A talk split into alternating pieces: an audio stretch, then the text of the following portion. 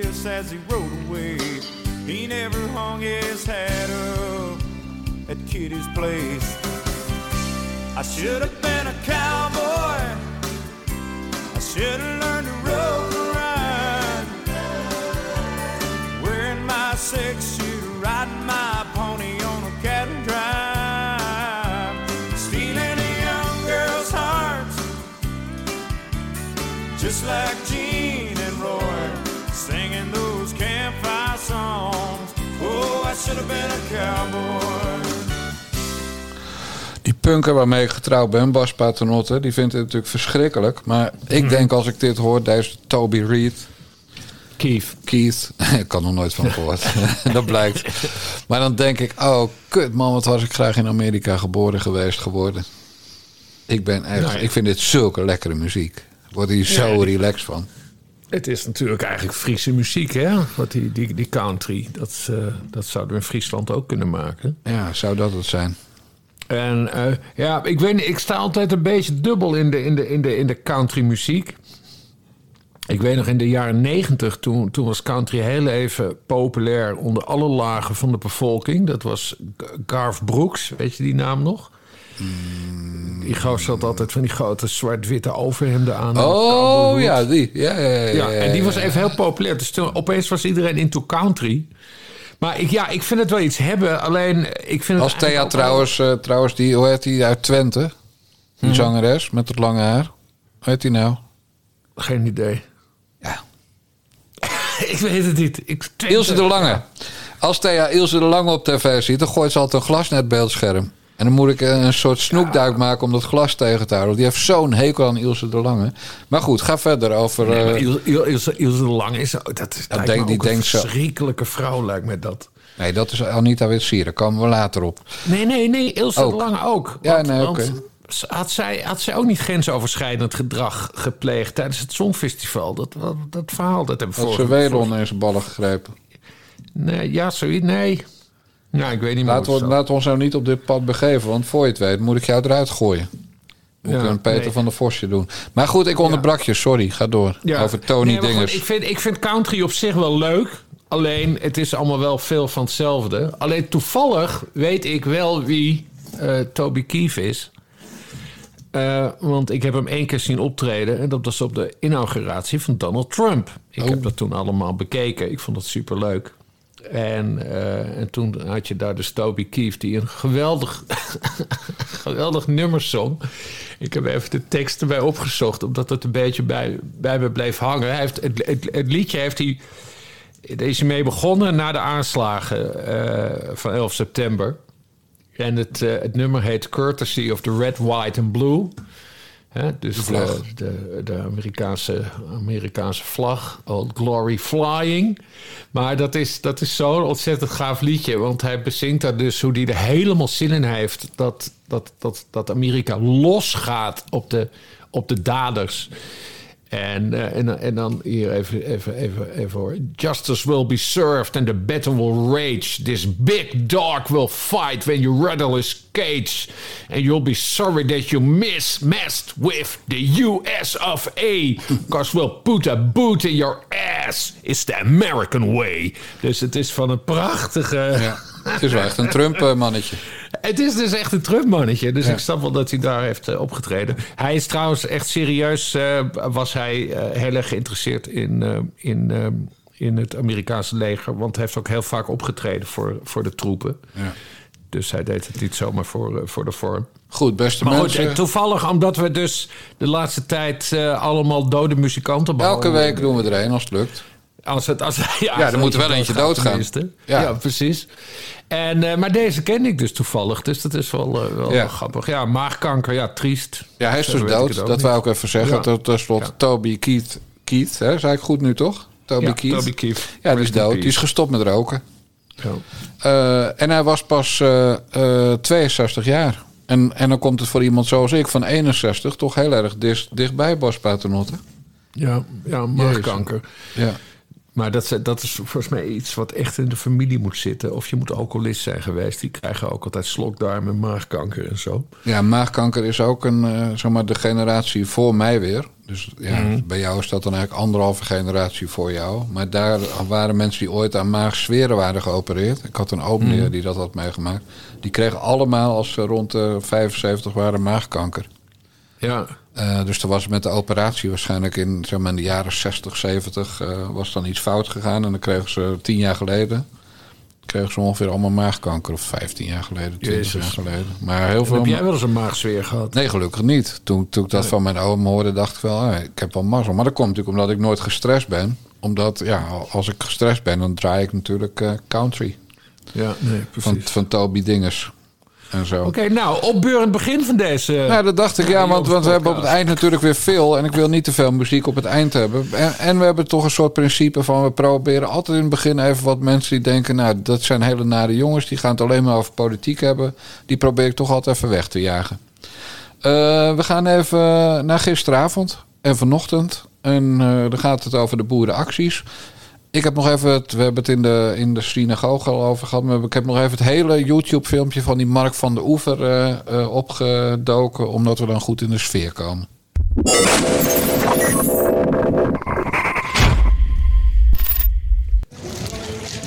Hallo beste mensen.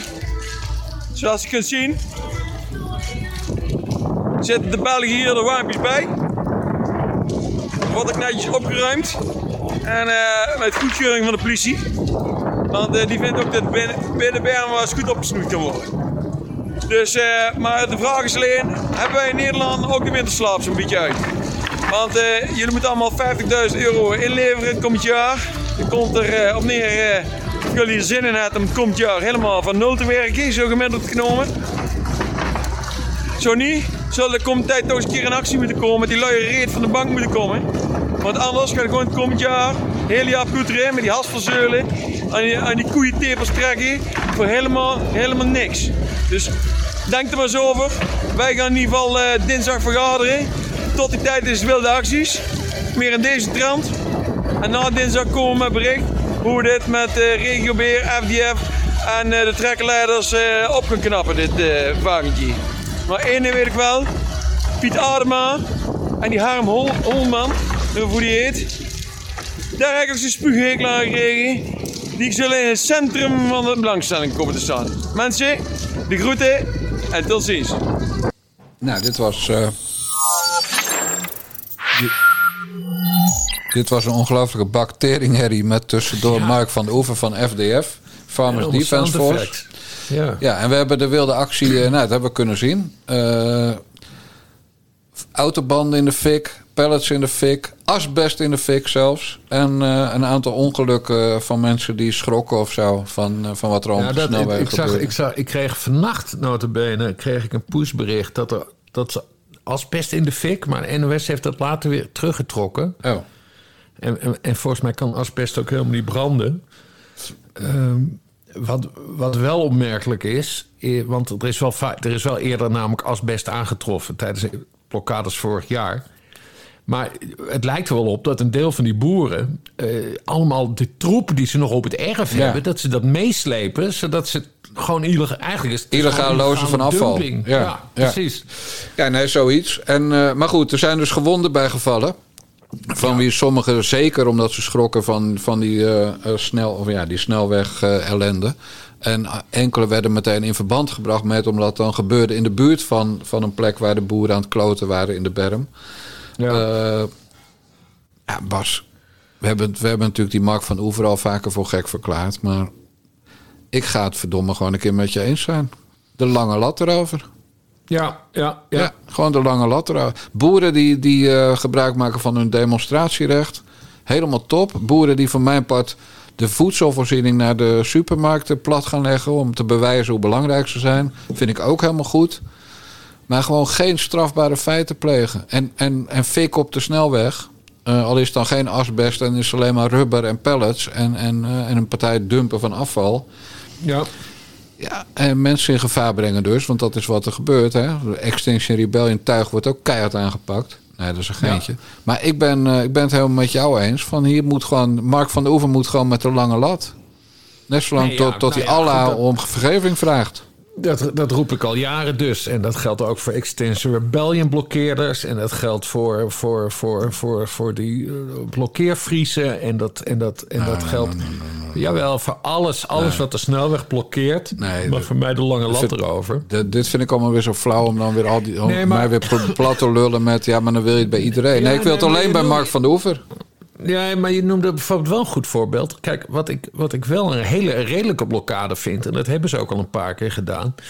dat is dat je zo'n distributiecentrum Ja, eh, blokkeert. Omdat je, eh, omdat je daarmee aantoont hoe belangrijk de boer voor de voedselketen is.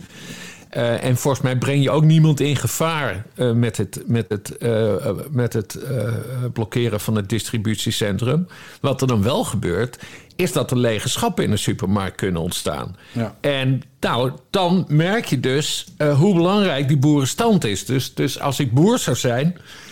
eh, ik, zou, dus, ik ben dus tegen we- snelwegblokkades, maar zo'n distributiecentrum blokkeren. Kijk, dan ben je slim bezig. Want dan voelt iedereen direct wat er aan de hand is, namelijk lege schappen. En, eh, maar die Mark van der Oever die is gewoon helemaal gestoord. Maar hij verpest het ook voor de andere boeren. Ik zag de Telegraaf kwam vlak voordat wij gingen opnemen. Met het verhaal dat eh, Bart Kemp, hè, hij is, eh hij is dan weer Agractieman. Ja. de agractieman. Hij, hij stopt geloof ik Ja, later klopt. dit jaar Ja. als, eh, als voorzitter. Eh, maar hij zegt ook van, eh, ja, ik veroordeel dit soort acties, want we, we moeten gewoon binnen, hij, zegt, hij noemt het dan heel formeel, binnen de grens van het demonstratierecht demonstreren. Nou, daar geef ik hem helemaal, helemaal gelijk in. Ehm, maar jij zei in de synagoge dit weekend iets interessants. want jij hebt een beetje verdiept in hoe die FDF'ers werken. Ik heb zij hier aan de keukentafel gehad. En je hebt ze aan de keukentafel Ja. gehad. En eh, om even aan te geven. eh, Want ik geloof dus heel erg in dat er heel veel goedwillende boeren zijn. en, dat die F, en dat die FDF'ers, dat is maar een, een minieme minderheid. Dat hebben we ook gezien met de verkiezingen. Nou ja, gisteren was in Friesland een wilde actie en er kwamen geloof ik drie tractoren en tien boeren. Dus daar hebben we het over. Nou ja, precies. En, en, en, en, en hè, die, die, die, die Mark van der Oever die zegt altijd hoe belangrijk hij is. Maar ja, goed, ja, ze hadden zich eh, geassocieerd met BVNL eh, afgelopen verkiezingen. Nul zetels. Dus tot zover de invloed van Mark van der Oever. Hij heeft alleen een enorm grote bek. En, en daarom heeft iedereen het over hem. En toen kwam jij met je analyse, die ik razend interessant vond. Dus misschien wil je die ook even met onze gratis luisteraars. eh, Nou, die kunnen mooi mijn mijn kloten kussen en mijn rug op de gratis luisteraars. Nee, kijk, bij, eh bij Agractie zijn het allemaal echt boeren. En LTO Nederland eh, betalen ze lidmaatschap, hè, dus daar zijn ze ook echt boeren allemaal. Maar hier zitten heel veel mensen omheen die leveren aan boeren. Dus bijvoorbeeld loonbedrijven.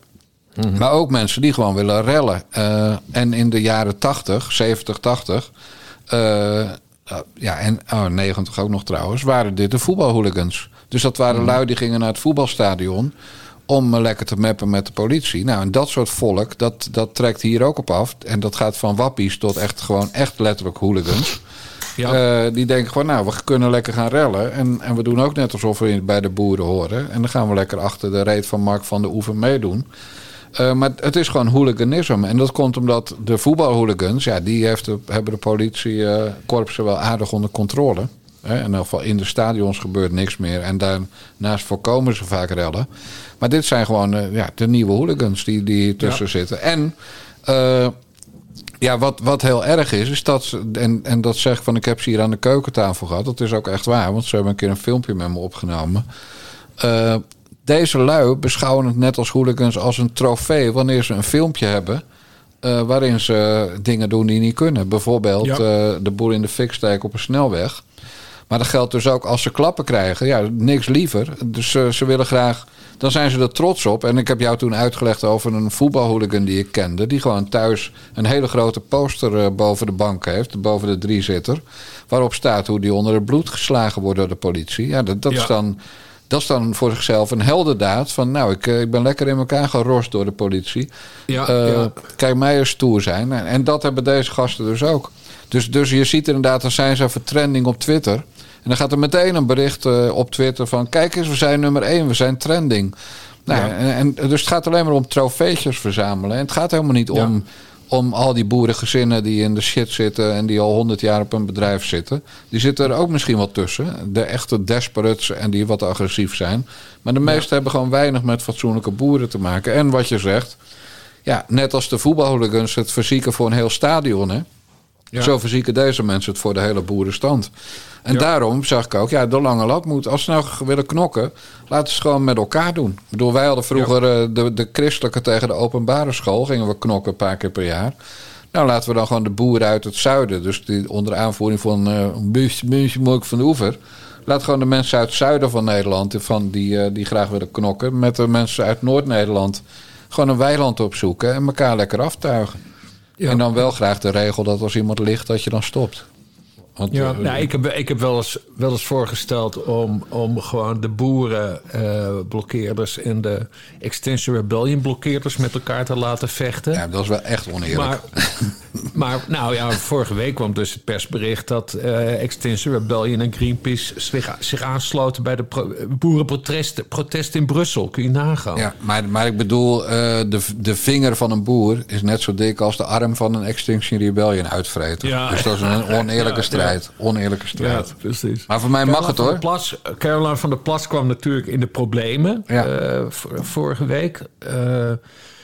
Eh, omdat, omdat zij dus niet direct afstand wilde nemen van het FDF. Dat heeft ze dit weekend dus wel gedaan. Ja. Want, want ze kwamen nu met een, met een tweet of een bericht op de socials. Een Tering, lijstje van teringlijers of zo, weet ik veel. Ja, wie de ergste teringleiers waren. Ja, dan kon je en, stemmen. En, toen, en, en, ja, en- en toen, moest, toen moest Van der Plas wel. eh, dus toen heeft ze er afstand van genomen. Maar ja, ik vond het sowieso oliekoekendom van haar... dat ze niet direct er afstand van nam. Want zij, zij weet natuurlijk ook wel dat... eh, dat het een minderheid is. Gewoon, het is een extreme Ja, het is een heel klein groepje, ja. Het is een heel klein FDF. groepje. Maar dat durft ze dan schijnbaar toch niet te zeggen. En dat vind ik dan een beetje, een beetje flauw. En het is ook dom van haar. Ik denk meer dat Want kan- eh, onervarenheid is nog hoor. Dat, ze- dat ze gewoon niet scherp genoeg is op zo'n moment. Kijk, jij zei ook in de synagoge... ze had helemaal niet bij die talkshow moeten gaan zitten. Nee, dat sowieso niet. Nee, maar daar begint het natuurlijk. ja. en als je dan zit, dan moet je weten van... nou, dit gaat over FDF. En dan moet je natuurlijk je antwoord ingestudeerd hebben. En dat antwoord hoort te zijn... ik wil niks te maken hebben met Mark van de Oever... en zijn clubje imbecielen. Precies. Dat, want, ga maar naar Wiebren van Haga dan. Kijk, zij heeft nog altijd zeven zetels gehad... en Wiebren van Haga eh zeventiende zetel, max... Ja. Dus ja, daar moet je gewoon om lachen. Maar, maar dat is Ja, gewoon... maar daarom, ze, maar ze deed amateurisme, een- denk ik. Daar hadden we het over. Ze deed een Timmermansje. Wat, Ja. wat, wat Timmermans en Wilders toen hadden met dat SBS-debat. Hè? Dat, dat, dat, dat die ene mevrouw zei: nee, die, de, de, wat was het? Eh, eh, zorg, hoe heet dat ding nou? Zorgpremie. Eigen risico, dankjewel. ja, eigen risico in de zorg van de zorg. nee, maar die mevrouw zei van eigen risico zorgkosten. moet, moet zo snel mogelijk moet eraf. En dat Frans Timmermans toen zei van... eh, ja, nee, daar gaan we naar kijken... maar het gaat nog wel een paar jaar duren. Terwijl Frans Timmermans had moeten zeggen... dan moet er bij mevrouw Jezilgus zijn. Ja. Ik, ik, ik zit niet in het kabinet. Ik ben dit helemaal niet begonnen. Oftewel, Timmermans die adopteerde gewoon dat probleem... waardoor hij zelf in de problemen kwam. En dat deed Caroline van der Plas nu ook. Ja. Want nu, ja, ze, ze nam het eigenlijk op. Ja, of ze, ja nou ja, ze, ze probeerde... Dat wordt dan ook voor haar in de schoenen geschoven. Ja. Voor, voor FDF, ja. En da- ja, dan moet je niet raar opkijken dat het, dat het in je schoenen wordt geschoven. Terwijl, nou ja, goed. Daarom is het belangrijk, mensen, luister naar Jan Dijkgraaf. Want dit is gewoon een heldere analyse. Het zijn de hooligans van... Ja, onder, Van- de, van- onder de boeren zijn dit hooligans. ja. Kijk, en ik kan en dit allemaal wel weer zeggen. Groepje ook nog eens. Ja, ik kan het allemaal wel weer zeggen, Bas. Maar het is natuurlijk ook gevaarlijk om dit soort dingen te zeggen. Om gewoon eerlijk over die gasten te zijn. Want als ze debiel willen zijn op de snelweg... willen ze ook debiel zijn op de straatweg. Ja. Eh, dus, dus op het moment dat ze hier aan de deur komen... stuur ik mooi mevrouw Dijkgraaf naar buiten. Ja. Want die is... Maakt eh, een korte metten met ze. nou, dat denk ik wel, ja. Die, eh, Die, die, is, die is beter met het jachtgeweer dan ik. Als ik eerlijk ben. ja, nee, maar dat is gewoon waar. Nee, maar even serieus. Ik, ik ben... Ik, ik vind het prima als mensen zich niet kunnen gedragen. Ik bedoel, niet iedereen is netjes opgevoed. Maar verziek het niet voor een hele, ja, voor een hele beroepsgroep. En alle argumenten die, eh, waardoor mensen wel achter de boeren staan. Dus de boeren zorgen voor ons vreten, dat is waar. Maar we hebben ook respect voor het feit dat ze heel veel uren maken, nog altijd. En dat ze generaties lang op een boerderij zitten. Dat de meeste, hè, eh, Seita van Kempenma van FDF geloof ik uitgesloten, want die mag geen melk leveren. Maar de meeste boeren hun spul heel goed op orde hebben. Ook echt oprecht van hun dieren houden. En natuurlijk willen ze liever 9000 liter melk per jaar per koe dan 4000. Dus, dus natuurlijk hebben, doen ze alles heel efficiënt. En is, is, eh, is de dierenarts, de veearts, is een beetje ook de baas. Eh, maar, maar dat, ja, alle sympathie voor de boeren gaat weg door deze imbeciele hooligans onder leiding van Mark van de Oever. ja. En dat, dat stoort me mateloos. Dat, die domheid van al die, van die gasten die hier aan doen. Dus de hooligans, dat, ja, dat, zijn, dat is gewoon tuig. Maar de, er zitten ook echte boeren tussen. Ja, die zijn gewoon zo dom als het achterend van een koe. Ja. Ah nee, van een varken is de uitdrukking. ja, ja. En dat, dat, dat is echt vreselijk. Nou goed, no- eh, volgende onderwerp, oké? Mag het? Ja. ja, nou ja, ik wil nog even Oh, nou, doe maar. hulde, nou ja, hulde voor die Bart Kemp dus. Dat hij dat dus wel uitspreekt. Ja. Waar Caroline van der Plas dat niet durft. En, en uiteindelijk nu dus ook heeft gedaan. Ja, Bart Maar, Kempers trouwens, die gaat inderdaad stoppen omdat hij vond dat zijn werk erop zat. Eh, Bart Ja. Kemp verwacht op dit moment niks meer van Piet Adema, de minister. Omdat hij aan de leiband van D66 loopt. Dus Bart Ja. Kemp die hoopt op, het, eh, op, een, eh, op een nieuw eh, kabinet. Nou, daar gaan we het even over hebben.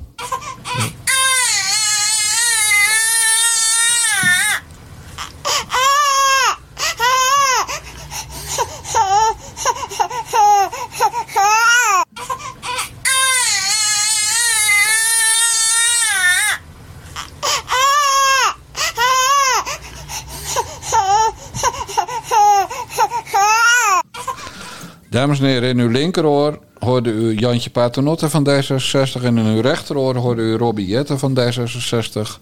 want de heertjes waren weer aan het huilen. En ze waren aan het huilen vanwege de kabinetsformatie. Eh, Geert Wilders had gisteren getwitterd eh, met... nou, ik wil eh, per se dat het kabinet er kom, komt. Dylan Jusilkes van de VVD, ik ook. Caroline van der Plas van BBB, ik ook. Pieter Omzicht twijfelde nog eh, wat hij ging twitteren. Dus die heeft niks getwitterd. Eh, en toen ging Rob Jetten echt de wereld tweeten, de wereld insturen. Nou, succes jongens, of zoiets. Heb je Ja. hem gezien? Echt. Kleuter. Ja, maar met knipoogjes of zo. Oh, toch? ja, een, een knipoogje en dan één knipoog en dan de tong uitsteken, zo'n emoticon. En dan een eh, lichtbruin eh, duim die omhoog eh, gestoken werd. Kortom, dat, dat is een poging tot, tot zuigen en tot cynisch doen, waarbij die echt, zeg maar, waar, waar hoe heet die, eh Sjoerd Sjoerdsma en dat soort tuig, zeg maar, in de eredivisie speelde, qua zuigen en, en, en irritant doen, was dit Ja. gewoon amateurvoetbal. Eh, nou, succes jongens. En, Vicepremier, hè? ja, dat bedoel ik. Vicepremier, de eerste vicepremier ook. Dus, Ja. dus theoretisch, als Rutte naar de NAVO gaat en de VVD levert niet als de sodemieter een, een vervanger voor hem als premier, dan, dan wordt Robbie Jetten tijdelijk premier van Nederland. Zo Ja. moet je het ongeveer zien. En die, nou, succes jongens, knipoog, duimpje omhoog. Nee, maar het, het- hoe, die, hoe die Jette zich gedraagt en, en, en Timmermans trouwens ook. Ja, ook ja. Hè, want ze zijn ook de hele tijd dat formatieproces zijn ze aan het bekritiseren. Ja. Dat ze de tussentijdse updates willen. Terwijl duidelijk opdracht van de Tweede Kamer was... er komt geen tussentijdse update. Het wilde gewoon de Tweede Kamer, heeft dat tegen Plasterk gezegd. Geen tussentijdse updates, februari willen we verslag. Eh, nee, het, eh, fucking kleuters en, en kabouters. Maar dat dommige Twitter ook. Waar, ik vind ook dat Wilders, uh, Jesulkes en Van der Plas... dat, dat, dat tweetje waar, je het nu over hebt. Hè? Dus Ja. dat ze dat dan ook elkaar gaan liken. Het is geen kleuterschool, jongens. Doe nou eens fucking normaal met z'n allen. Nee, maar Kap dat- gewoon met dat, even met dat twitteren. Ga niet bij talkshows zitten. Kap met twitteren. Kom er gewoon even uit. Ga met elkaar babbelen. Waar moet het... het, het- het- Waarom dat Twitter er moest gisteren is toch wel duidelijk, hoop ik. Nou, vertel maar, Jan. Nou, omdat ze wisten dat Pieter om zich niet mee zou doen. En dus op het moment dat het nu fout gaat, later deze week... dan, dan denkt heel Nederland, en waarschijnlijk terecht, dat Pietertje Omzicht eh, de kwaaie pier is die ervoor verantwoordelijk is dat het kabinet er niet komt. En dan, dan wordt hij, dan gaat, hij stond zondag op 15 in de peiling van de 20. Ja, dan, dan wordt zijn partijtje net zo groot als CDA bij de verkiezingen. Dat, dat lijkt mij evident dat het daarom was. En natuurlijk een beetje terugpesten. Nou, een heel, een heel slim plan op Twitter. Nou, poe, poe, poe, jongens. Wat, waar, waar- gaat het over? Zie je, dat bedoel ik. Waar, die hele conclusies doe jij ook aan mee. Nu worden getrokken uit die tweets. Ja, natuurlijk. Ik heb echt eens van, Jesus Christ, jongens, doe eens normaal. Als, als jullie een kabinetsformatie laten afhangen van wie wat twittert... ja, dan kunnen we wel gelijk stoppen. Zullen we gewoon vragen of Rutte wil blijven, jongens? Zullen we dat doen? Nee, allemaal idiots. Het is dat- onzin. dat laatste- En ik, geloof er, en ik geloof er trouwens ook geen reet van. Eh, nou ga, dat nou ga een je analyseren. Plan, dat er een heel plan achter dat getwitter zit. Het is, dat, is, dat is onzin. Ze zijn gewoon met elkaar aan het babbelen en ze nemen het serieus. Hè, daarom zijn ze dus nu begonnen gisteren. Eh, zelfs zonder plastic. Waarom plastic niet mee? Ja, die moet ik stukje tikken natuurlijk voor maandag. En, ja, oké, maar goed. Maar ze proberen er serieus uit te komen. En ja, dat Twitter, we moeten echt... Ik vind Twitter ook leuk hoor. Ik ben een vervent twitteraar, maar we moeten het niet, niet gaan overdrijven. En het is ook geen goede... Geen, volgens mij ook geen goede graadmeter voor, voor hoe het gaat met de formatie. Nou, dat, dat gaan we zien. Ja, dat lezen we dus allemaal terug in het verslag. Nee, natuurlijk niet. Dat, dat weten we op het moment dat het klapt of er alsnog een kabinet wordt. Kijk, maar het is natuurlijk niet alleen maar... tussenfase? Het is natuurlijk, ja, maar het is niet alleen maar dat Twitter. Het is natuurlijk ook het lekken naar de Telegraaf. Nou, we weten dat de Telegraaf één bron heeft. Althans één partijbron heeft. En dat is altijd de VVD. Dus de VVD had er ook belang bij om dit verhaal over omzicht... eh, met die terugtrekkende bewegingen zou maken naar buiten Mhm. te brengen via de Telegraaf. Dus het is niet alleen maar Twitter. Nee, Twitter loopt gewoon weer voor op de traditionele media. Ja. Maar we gaan het zien. Jij kan ook gelijk hebben hoor. Dat Pieter Omzicht gisteren niet getwitterd heeft. omdat hij heel erg eh, druk bezig was om allemaal punten op te schrijven voor het nieuwe regeerakkoord. Dat kan ook. Dat sluit Nou, hij niks was, uit. Hij, hij was heel erg druk ook nog bezig met iets anders. Er waren gisteren Kamervragen van hem beantwoord over, eh, over het bewaren van de eh, appjes tijdens de coronaperiode van het ministerie van Financiën. En eh, die vragen zijn gisteren beantwoord. En eh eh, Omtzigt die heeft verschillende journalisten daarop gewezen dat die vragen zijn beantwoord. Dus daar was hij mee bezig. Sigrid Kaag heeft de, alle appjes van Sigrid Kaag zijn wel bewaard. Die van Hoekstra en Veilbrief, die zijn niet bewaard. Ja, ja. Daar was Pieter, gisteren dus mee, Pieter Omtzigt gisteren Ja. dus mee bezig. Hè? Terwijl dit hele formatiespul speelt. Ik vraag me ook af of dat verstandig is. Ik heb iets van, jongens, ga, ga, ga nou gewoon even met elkaar babbelen.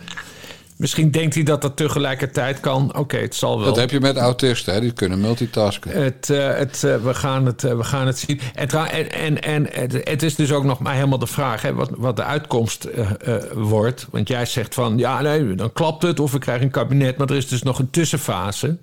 Want misschien schrijft Plasterk wel van nou, op zich zien ze wel mogelijkheden. Maar eh, ze willen toch nog even wat langer gaan doorpraten. Ja, en dat dan met name over deze, deze en deze punten. Nou, je verzin maar wat. eh, Alles, je kan sociale-economische onderwerpen bedenken, buitenlandbeleid, whatever. Alles. Ja, gewoon zodat ze, eh, ze kunnen elk excuus bedenken om, om meer tijd te, Ja, te- lijkt me helemaal nodig goed. te hebben. Wat positief is, want hoe meer tijd ze nodig hebben, hoe groter de kans is dat er een kabinet komt. En, en dat vind ik zelf dus heel belangrijk. Je wil ook niet dat dit binnen een week geregeld is. Want we, we, zijn, we zitten in een proces dat we afscheid aan het nemen zijn van 13 jaar Mark Rutte. En dan aangevuld met het kagisme van de afgelopen jaren. Ja, dat is niet in één keer opgelost, vrees ik. Nee, na een kern, kernramp is het ook niet weer meteen weer vruchtbare grond hè? waar je op gaat wonen. Zo moet je het ongeveer zien. Die vergelijking moet je nog een keer zeggen. Wat zei je nou? Na een kern, kernramp is de grond ook niet meteen weer vruchtbaar. Nee, precies. nee, dat is een goeie, Jan. Dat is die vergelijking. Heb ik nog niet gehoord. Maar zo is het wel. Ja. ik Nee, verzin hem ook net, maar het kan dat ik hem eerder de eerste keer verkeerd zei. Dat, eh, Ja, nee, maar goed, het, het, het, het politieke klimaat is redelijk verziekt door Rutte en Kaag. eh, Ja. eh, de- en nog dus door ja. wat mensen die daar nog steeds aan meedoen. En Dat zijn met name Timmermans en die lui van D66.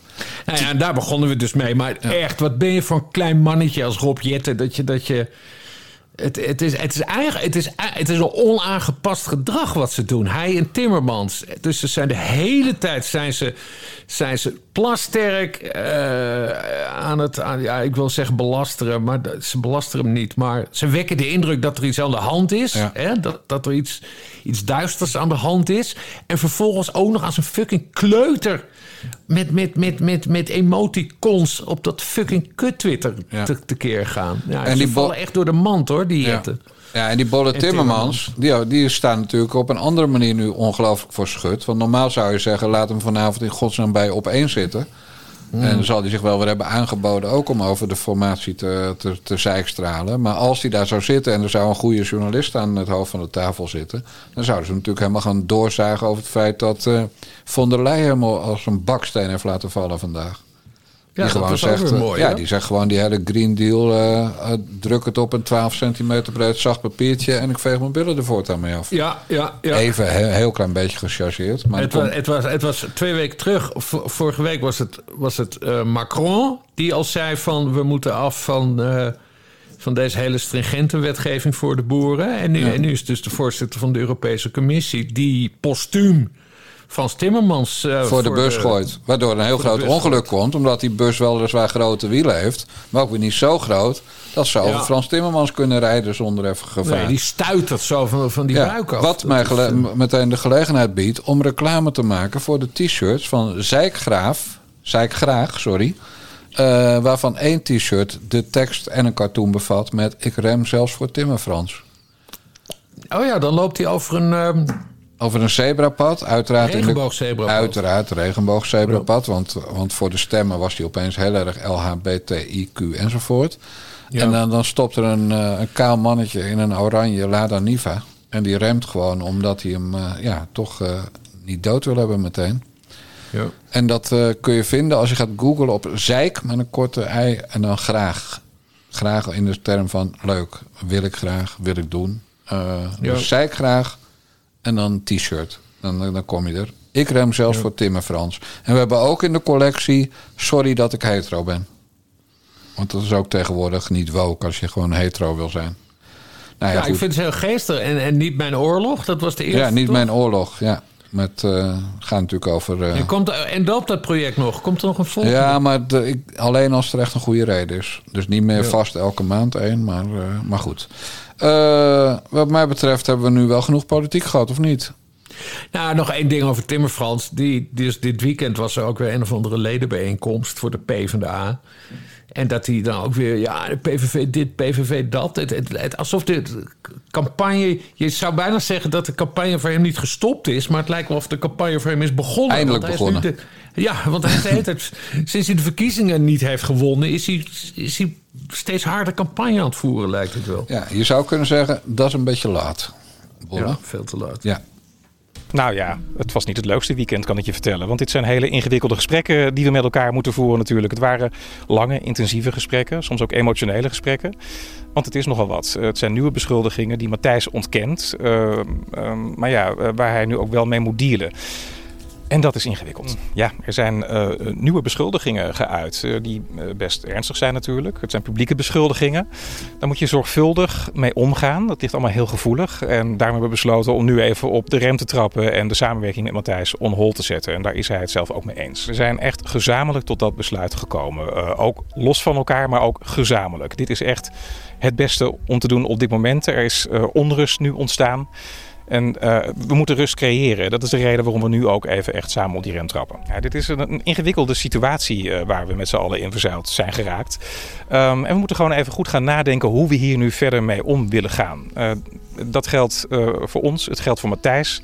Ehm, en die tijd hebben we gewoon nodig met elkaar. Dit, is- dit is dus Peter van der Vorst, de directeur content, of hoe dat heet, van RTL. En een man die van Nieuwkerk heeft aange- aangenomen. Deze man, Bas, die kan morgen de politiek in.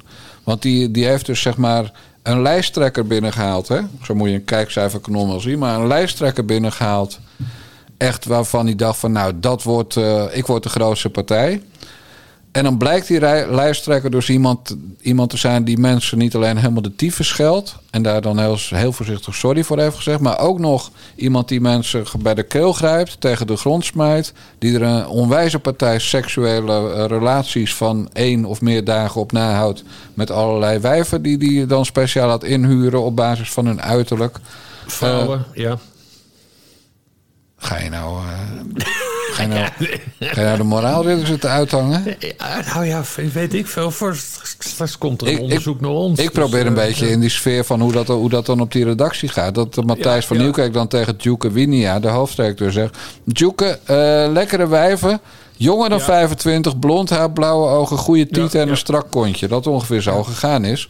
Dus daarom zeg ik wijven. Maar ik zou natuurlijk zelf altijd dames zeggen, jonge dames. Nee, daarom. In dit geval. Maar in elk geval, Van der Vorst heeft dus die, die nieuwe lijsttrekker binnengehaald. En die moet een week nadat de lijsttrekker benoemd is... moet hij zeggen, nou, dit, dit is echt de grootste fout van mijn leven. En dat doet hij dan op deze manier. Wij gezamenlijk zijn tot de conclusie gekomen... wij dit, wij dat... Eh, en hij gaf ook wat toe dat het met de kennis van nu allemaal niet zo'n slimme beslissing van hem was. Maar het eh, even platgeslagen is het goede nieuws natuurlijk dat we voor altijd van die vreselijke Matthijs van Nieuwkerk af zijn, Bas. Toch? Dat is toch fijn? Nou ja, ik mag het, eh, ik mag het, eh, ik mag het hopen. Ook al zijn we helemaal niet voor canceling, maar hij heeft zichzelf redelijk gecanceld. Wat ik alleen zo bizar vind, is dat hij van der Vorst... dat hij dacht dat hij hiermee weg zou komen. Dat hij niet gewoon even dat rapport heeft afgewacht. Het is toch van een vaagheid. Ja. En een, en een eh, inschattingsvermogen van, van, van, van niks. Nou, hij is natuurlijk op het woord van Van Nieuwkerk afgegaan. Ze hebben onge hij heeft Ja. ongetwijfeld gevraagd... Matthijs, is er nog meer wat wij moeten weten? Hè? Zoals dat bij ministers ook altijd gaat in de formatietijd. Dan vraagt Rutte dat, of vroeg Rutte dat... aan de kandidaten van... zijn er nog dingen die u mij moet vertellen? En dat zal Van der Vorst best wel gedaan hebben bij Van Nieuwkerk. Maar toen heeft Van Nieuwkerk gezegd... nee, nee, nee, het is alleen bij, bij een paar keer een woordenwisselingetje ge- eh, gebleven... En, en één incident dat iemand voor mij op zijn knieën moest... en dat ik zei, meneer Van, de, van Nieuwkerk is voor jou. Maar verder is er niks gebeurd. En hij heeft die, die gast geloofd op zijn, zijn bejaarde ogen inmiddels. Ja. Eh, en, en dat is natuurlijk de grote fout. En waarom heeft hij niet gewacht? Omdat de NPO in de persoon van Jantje Slachter, van Max... ook achter Van Nieuwkerk aan zat. Eh, Talpa weet ik niet, maar die hadden natuurlijk Frans Klein binnengehaald in die periode. De die- mazzel. Ja, sorry. Ja, automatisme. automatisme, sorry. Maar die had natuurlijk Frans Klein binnengehaald. En toen verwachten veel mensen van ja, Ja. als je Peter Gillis eh, houdt, dan kan je van Nieuwkerk ook wel nemen. Hè? Ja. Eh, Ten slotte staat hij niet voor de rechtbank wegens allemaal eh, mishandelingszaken tegen zijn vriendin. nee. Maar die, die kwam dus niet. Maar, maar ja, Jan Slachter zat op het vinkertouw. Vandaar dat hij ook van Nieuwkerk zo fanatiek verdedigt. En daarom heeft eh, Van der Vorst eh, toegeslagen, denk ik. Ja, en dan het argument was, en daar hadden ze wel gelijk in, eerlijk gezegd. Ja, het duurt zo lang dat rapport. eh, we, we kunnen niet blijven wachten. Nou, dat vond Ja. ik wel een punt. En dat, ik snap ook wel waarom. Want in april zou de eerste zondagavond talkshow beginnen. En die moet Ja. natuurlijk voorbereiden. Dus, Maar dus ja, in, nu zit hij met de brok. nu zit hij met de brokstukken, ja. Want, want dat betekent dat die talkshow van Van Nieuwkerk niet doorgaat. Maar betekent ook dat de Olympische pits die ze gewonnen hebben van SBS... om bij de Olympische Spelen vanuit Parijs elke dag te gaan uitzenden, s'avonds... Ja. ja, dat, dat die misschien ook wel eh, ook verloren zou kunnen gaan. En dan gaat Helene Hendricks het voor SBS te doen. Wat mij een zegen lijkt. Want je kan moeilijk eh, Sophie Hilbrand er daar neerzetten. En Galit Kazem heeft ook geen tijd. Nee, nee. Nou, die heeft Hoe tijd. zij van SBS die je noemde? Helene Hendricks. Ja, dat is het grootste, het talent. Ja, die heb ik een paar keer gezien. Die zou er perfect voor zijn. Ja, tuurlijk. Maar die hebben dus de pitch verloren van RTL. Omdat die Ja. van Nieuwkerk in de aanbieding hadden. Ja, nu dus niet meer. Ja. Dus dat, dat, eh, dat kan ook nog financiële gevolgen voor RTL hebben. Maar het is gewoon de blunder van de eeuw hoor, van Peter van der Vorst. Eh, want die heeft Matthijs van Nieuwkerk geloofd. Ja, en dat is misschien niet zo slim geweest. Want, want iedereen, Bas, ook jij, ook ik... We zitten helemaal niet in de tv-wereld, maar Matthijs van Nieuwkerk en stagiaires... dat is een nog hardnekkiger gerucht dan Hans Laroes en bezemkasten. Ja. Dat is ja. toch zo? Iedereen weet dat. Nou ja, dat was, het, dat was het bizarre. Iedereen dacht dat bij die initiële Volkskrant-publicatie... dat het daarover zou gaan. Ja. Maar toen ging het dus meer erover dat hij dat die iemand, eh, iemand eh, op de knie had gedwongen en had toegeschreeuwd. Eh, maar daarna kwam dus alle, alle, alle, alle, alle, alle bagger omhoog. Maar eigenlijk, maar je zei net wel, het is dus wel een weloverwogen gok van Van der Vorst geweest Ja, waarschijnlijk. die volledig verkeerd heeft uitgepakt. Omdat hij Jantje Slachter in zijn in zijn- in Ja. zijn- in zijn nek voelde hijgen. En dan is nu natuurlijk de vraag of de directie van SBS, dus zijn baas, van RTL, sorry, of zijn baas hem dit ook gaat verwijten. Want dan is. Kijk, Peter van der Vos was natuurlijk een moraalridder. Eh, die, die, eh, die gooide meteen de voice van de buis toen daar ellende Ja. was. Nou, terecht. Hè? Ik denk dat iedereen het daar wel over eens is. eh, met de kennis van toen, in elk geval. Ja, terecht om de voice meteen van de buis te halen. Maar ja, dan kan je dus niet twee jaar later opeens Matthijs van Nieuwkerk als de grote nieuwe ster binnenhalen. Terwijl daar dan allemaal nieuws over komt. Ja, en de fout is dat ze vrijdag, toen het rapport uit was, eh, kwam RTL met een verklaring. Nou, hij heeft toch sorry gezegd. Dus wat ons betreft gaan we gewoon door.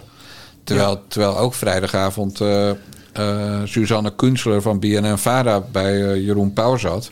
En vertelde, ja nee, het gaat wel degelijk ook om, om fysiek geweld en seksueel eh, Ja, grensoverschrijdend gedrag. Ja, dat, dan, dan is het natuurlijk killing voor RTL en Van der Vorst. Maar, maar het belangrijkste vind ik, moet je altijd zeggen het belangrijkste vind ik dat de slachtoffers van Matthijs van Nieuwkerk niet met die kop geconfronteerd worden.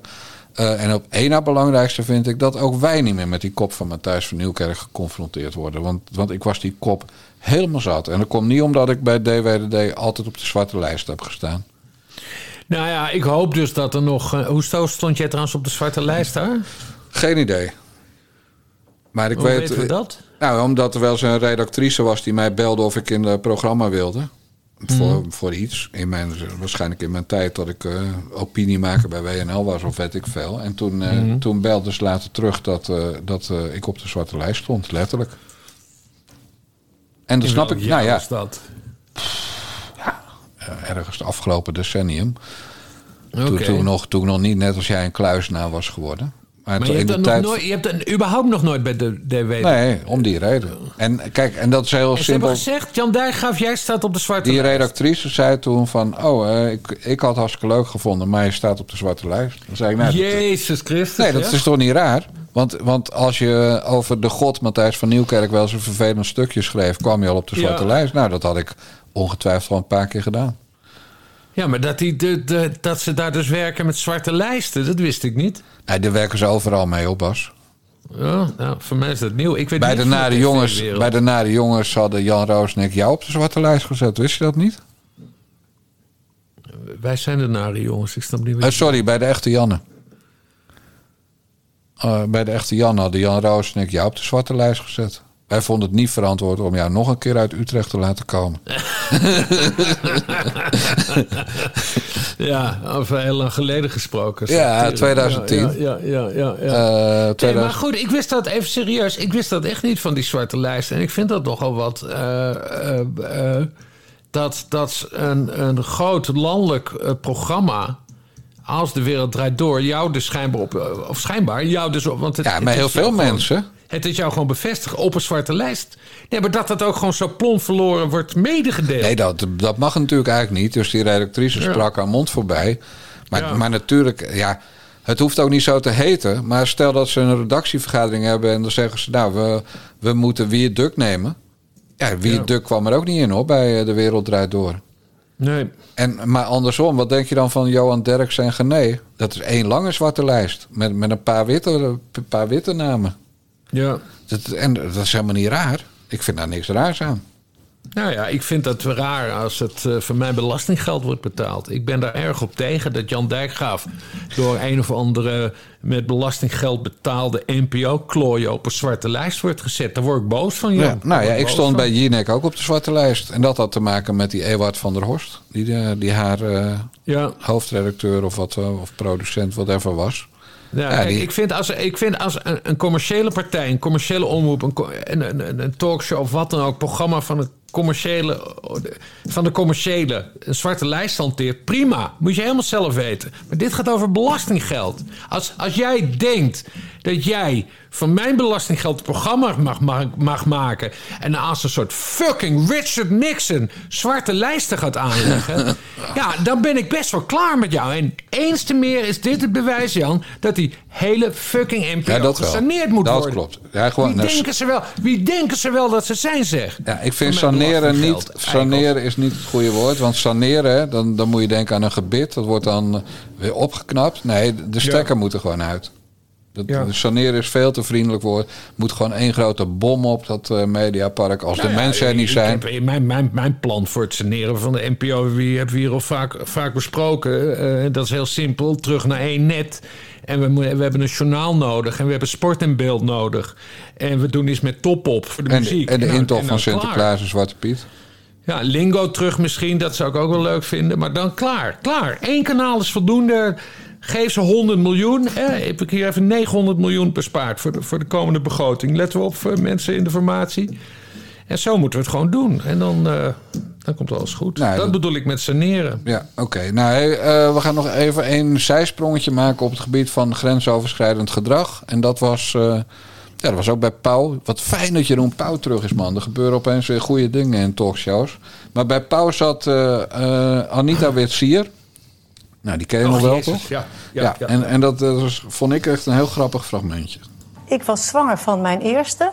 Dat is nu twee, 32 jaar geleden. En ik presenteerde samen met Mark-Klein Essink het programma eh de Staatsloterijshow op locatie. Mark het studiogedeelte, ik het eh, gedeelte op locatie. Live was dat. Elke week een hele grote show. Ik moest bevallen. En we hadden afgesproken dat ik drie weken na de bevalling of zo... zou ik weer terugkomen op die plek. Dus ik ga na drie weken bellen. Wanneer gaan we weer enzovoort. Ik ben volslagen genegeerd op dat moment. Ik heb, eh, het werd toen geproduceerd door John de Mol Producties. Ik heb Daan de Bel getrokken. Ik heb bij Veronica, bij mijn direct leidinggevende de bel getrokken. Bij personeelszaken de bel getrokken en bij de directie. En niemand heeft mij ooit antwoord gegeven. Dat is een vrij onveilige situatie. Maar, dat snap ik. Alleen jij zegt, dat realiseerde ik mij eigenlijk pas vorige week. Ja. Omdat Dus hoe, hoe waardeerde je het toen dan? dat nou ja, ik vond het onbegrijpelijk. En, maar ik wist ook niet wat ik moest doen. Want ik had gedacht, ik heb de stappen gezet. Ik dacht, PZ is er voor mij als werknemer. Maar als je dan nul op het rekest krijgt, dan denk je, ja, dan zal het wel zo zijn. Laat maar. Ja, en, en door. En door. Ja.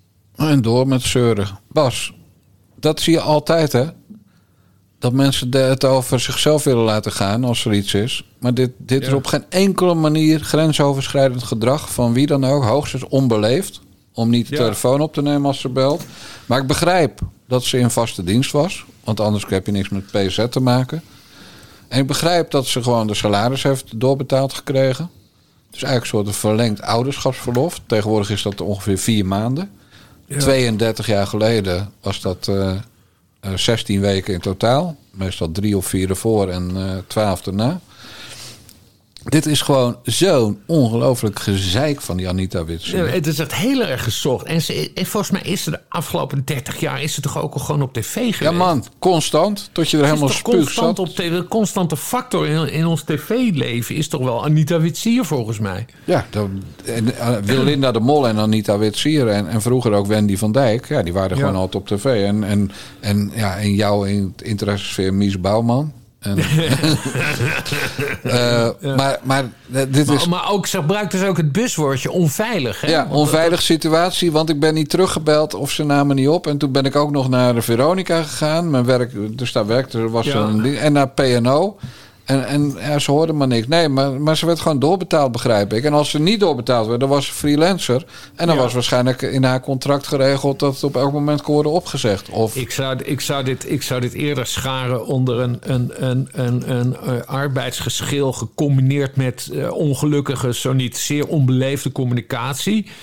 Dan dat zij nu ook in de lijn van, van eh, gedra- eh, gedragsoverschrijdende toestanden. is Grensoverschrijdend Grensoverschrijdend toestanden terecht is gekomen. Ja, maar ik word, ik word hier zo mies van. Ik, en ik, ik, heb natuurlijk, ik ben opgegroeid in Bergambacht, hè, dat weet je, in de Krimpende Waard. En wij namen dan bij Bergstoep het pontje, naar de overkant van de lek. En dan drie kilometer naar links, dan kwam je bij Groot-Ammers. En daar komt eh, Anita Witsier vandaan. En dat was toen, heb ik begrepen, hè, want ik had daar ook eh, familie van vrienden van mij wonen in Groot-Ammers. Het was toen al een teringwijf. Hoezo dan? Ja, gewoon een, ver- een, vervelend kutwijf was het. Ja, dat, dat, dat heb ik begrepen van mensen die daar woonden. En die konden het weten. Ik, bedoel, ik heb er zelf nooit gezien in die tijd, denk ik. Maar Anita Witsier is gewoon zo niet leuk. En, en, dat, en als je zo niet leuk bent... en je zit zelfs op deze leeftijd nog bij eh Sophie en Jeroen... om je verhaal te doen... Ja. wat heb je dan te zeiken, wijf? En in dit geval zeg ik zelf wijf, hè? Dat doe ik helemaal niemand naar. Ja, ik, in mijn herinnering vond ik haar altijd wel leuk en charmant. Maar ze heeft op een gegeven moment een soort afslag, geno- afslag genomen. Volgens mij heeft ze ook dingen bij de EO gedaan of zo. Ja, En maar het werd in ieder geval een heel oud zeurend vrouwtje de hele tijd. En toen was opeens alle lol ervan af. En dan... En dit past helemaal daarbij. Dit, dit, helemaal dit erbij zoeken. Kom Ja. on, jongens. Nee, maar het ergste is natuurlijk dat ze. Het is natuurlijk het ergst voor de echte slachtoffers. Hè? Ik noem ze nog een keer. Maar voor de echte slachtoffers die echt heel erge dingen hebben meegemaakt. Om jezelf daarmee te vergelijken, omdat je zwangerschapsverlof Ja. een paar weken of maanden verlengd wordt, betaald. Nee, het is een klassieke How can I make this about me? Ja, precies. En, en daar hebben wij een hekel aan. Ja, absoluut. Eh, kijken of ik dit nog een beetje kan kantelen dat het over jou of over mij gaat. Eh, heb ik jij zat- wel eens. ik zat ook serieus na te denken. maar- Ben jij wel eens het slachtoffer geweest van grensoverschrijdend gedrag, Bas Paternotte? Ja, nou nee. Maar, nou ja, we hebben, we hebben een paar voorbeelden besproken in de, in, de, in de synagoge. Waarin jij dus hebt toegegeven dat jij jarenlang eh, alleen maar lelijke mensen hebt aan willen En bij voorkeur aannemen. lelijk en dik. Ja. Ja, Met argumenten, hè? Met argumenten. ja, en daarom heb ik nu dus een klacht ingediend bij het Europees Hof voor de Rechten van de Ah, Mens. scheid aan. namens, alle kna- namens alle knappe mensen en lelijke mensen. En eh, nee, ja, nee, verder niet dus. Nee, nee. Weet je zeker dat je neus nu niet in je microfoon zit? Qua Nee, Pinocchio? Nee, daar lig ik niet over. Nee, nee, nee. Oké. Hey Bas, eh, ik heb dat toen... eh, ik heb ooit eh, mijn eerste managementboekje... was, ja, was meer voor managers van de blokker bedoeld. Hè? Men- Mensen die een man of tien eh, leiding of vrouw leiding moesten geven.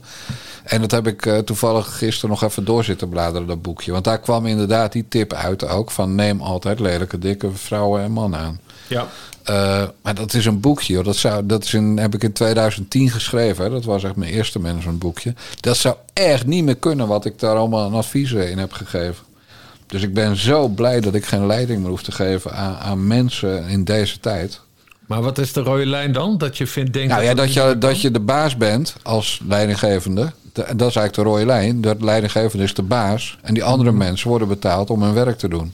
Ja, En verder allemaal dingen waarmee je kan indekken tegen naaistreken, tegen, tegen jankmuiltjes. Eh, maar ook bijvoorbeeld dat je in advertentie. Het ging toen ook bijvoorbeeld over Metro. Als je, als je een krantenredactie hebt bij een zo'n nieuw krantje. Dan ben je natuurlijk niet op zoek naar mensen van 55 die bij de NRC vandaan komen en op de zijspoor staan. Dus ik zei daarin dat boek. In een advertentie moet je gewoon zetten: gezocht, jonge man of vrouw, eh, met weinig ervaring. Kijk, wat ze dan altijd doen is eh, in de advertentie gezocht eh, iemand met circa twee jaar werkervaring. Ja. Ja, ik maak ervan wat ze dan eigenlijk bedoelden. Gewoon eh, gezocht eh, beginneling of iemand van, eh, Ja. van om maximaal 30. En ik zet er ook gewoon in man of vrouw. Want ik wilde gewoon ongeveer gelijke verhouding mannen of vrouwen. Ja. Nou, dat zijn allemaal dingen die niet meer mogen van de wet. Maar ja, dat waren wel mijn tips. En ook ja, dat je gewoon nooit een dossier moet opbouwen over iemand. Ja. Ken je dat? Dat je- Dan moet je drie officiële waarschuwingen in bepaalde tijd aan iemand geven. En dan mag je hem er met de rechter uitflikkeren.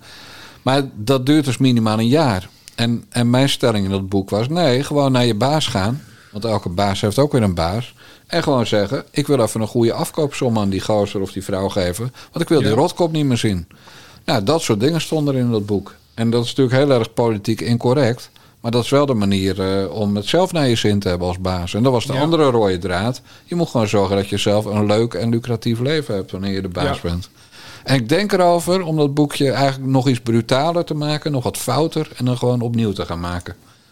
Dus gewoon hoe, hoe het allemaal niet meer mag als baas, maar hoe je het eigenlijk zou moeten willen. ja hebben. ik zit net te denken. Dit, dit, dit verdient eigenlijk een geactualiseerde herdruk. Ja, maar dan ga ik er wel in zetten dat, dat er een grens is. En die grens is alles wat Matthijs van Nieuwkerk deed. Ja. Dat mag, dus je mag wel generiek allemaal maatregelen nemen om dit te doen. Maar je mag niet mensen tegen de grond smijten, bij de keel grijpen, seksuele relaties aanspannen. Eh, ja, Ja. men- mensen er dan weer uitrotten als de relatie over is. Dat ik, mag vind- ik ben hier helemaal voor. Dit, dit is echt, het- ja, dit is handel, Jan. Dat is gewoon een geactualiseerde herdruk. Ik zou dat natuurlijk nooit voor het geld doen. Nee. Kijk, wat wij wel voor het geld doen. ja. Ja, wat wij wel voor het geld doen, Bas Paternotte, is twee extra podcasts per week. Want we hebben natuurlijk deze gratis naar de jongens podcast. Die mogen ook de mensen die, eh, die, die zeg maar gierig zijn of die niet kunnen betalen, die mogen deze beluisteren. Maar we hebben ook elke week nog één keer op een onbekende dag de Bellen met Bassie podcast. Ja. Waarin er gebeld wordt met Bassie. Nou, dan kunnen mensen wel indenken wie er belt. En we hebben op zondag altijd de Bassie en Jan synagoge vanuit de synagoge in Taco-Zeil te Friesland. Eh, waarin we wat meer de diepte ingaan. En, en mensen die dat willen ontvangen, die moeten naar petjeaf.com slash nare jongens. En dan betalen ze 4 euro per maand of 40 euro per jaar. Dat is een aanbieding, speciale aanbieding. Kan jij dat even zeggen? Een speciale aanbieding. Nou, dat dus. En dan betalen ze 40 euro per jaar. En, Ja. en, en hebben ze dus eigenlijk twee maanden gratis. Nou, dan krijg je dus 104 extra podcasts per jaar voor 40 eh, eurotjes. Nou, ik Ja. vind, het lijkt me echt een En bij de kopie. 3000 petjes. Dan komt er elke donderdag om 9 over 5 's ochtends live een culturele podcast. En Ja. die nemen we ook op voor de mensen die denken... ja, ik ga niet om 9 over 5 in mijn nest liggen luisteren of mijn nest uit. Eh, dus je kunt het dan later terugluisteren. En in die culturele podcast zit hogere cultuur, daar zorg ik dan voor. En lagere cultuur, daar zorgt DJ Bas voor. Ja. Of andersom. Dat weet ik niet meer precies. Maar goed, daar wil ik. Maar dat boek, ik zet, ik, ik zet op mijn to-do-list boek. Ja, superleuk, superleuk. Nou, Oké, is dat geregeld? Dan gaan we nu eh, ja, naar eh, het hoogtepunt van de maand. Toch? Ben je er klaar voor? De nieuwe petjes. Ja, we gaan namelijk. eh Bas Paternotte gaat namelijk vertellen wie er de afgelopen maand allemaal naar petjeaf.com slash naar de jongens zijn geweest om abonnee te worden. Nou, kom er maar in, Bas. Dat zijn Wilma, Renate, Peter, Botte. een Meneer of Botte. mevrouw Dat is Fries. oh, Botte. Een meneer of mevrouw C. een Bas, goede naam. Een Tom, een Robin, een Jochem. Een Anita, een Kat of Cat. Een Sean. Een Peter, een Rudiger, een Caroline, een Anke, een Vera, Nigel, allemaal aparte namen deze keer. Thomas, Sandro, Vanina, die kennen wij ergens van, meen ik. Nick, Ah, ja. Wilco, Dimitri, Dick, een, een meneer of mevrouw S. Lydia, Dianne, Karin, Wesley, Freek, Ab, Joan. Dus J-O-A-N. Erik, Sander, eh, Caroline, weer een Caroline is de derde al. Wim, Ingrid, Sebastian, Suzanne, Allard, Ellen, Fred, Juri, Bas, Hero, nog een S. Eh, Cheryl en als laatste eh, sluiten we af met de naam waar we mee begonnen, Peter.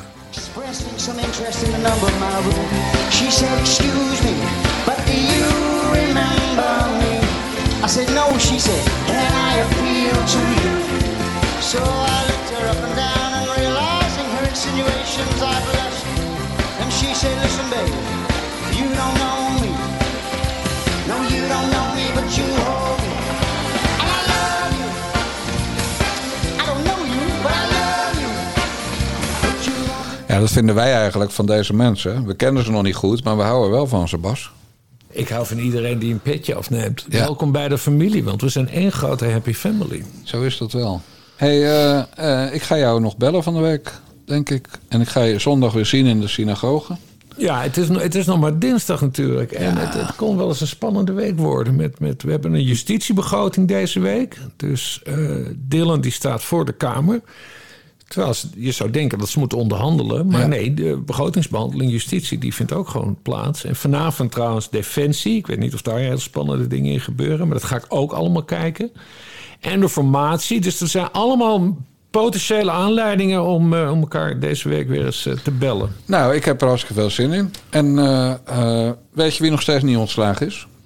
Ja, hij zit er nog steeds, Frans Klein. De mazzel. Doei doei.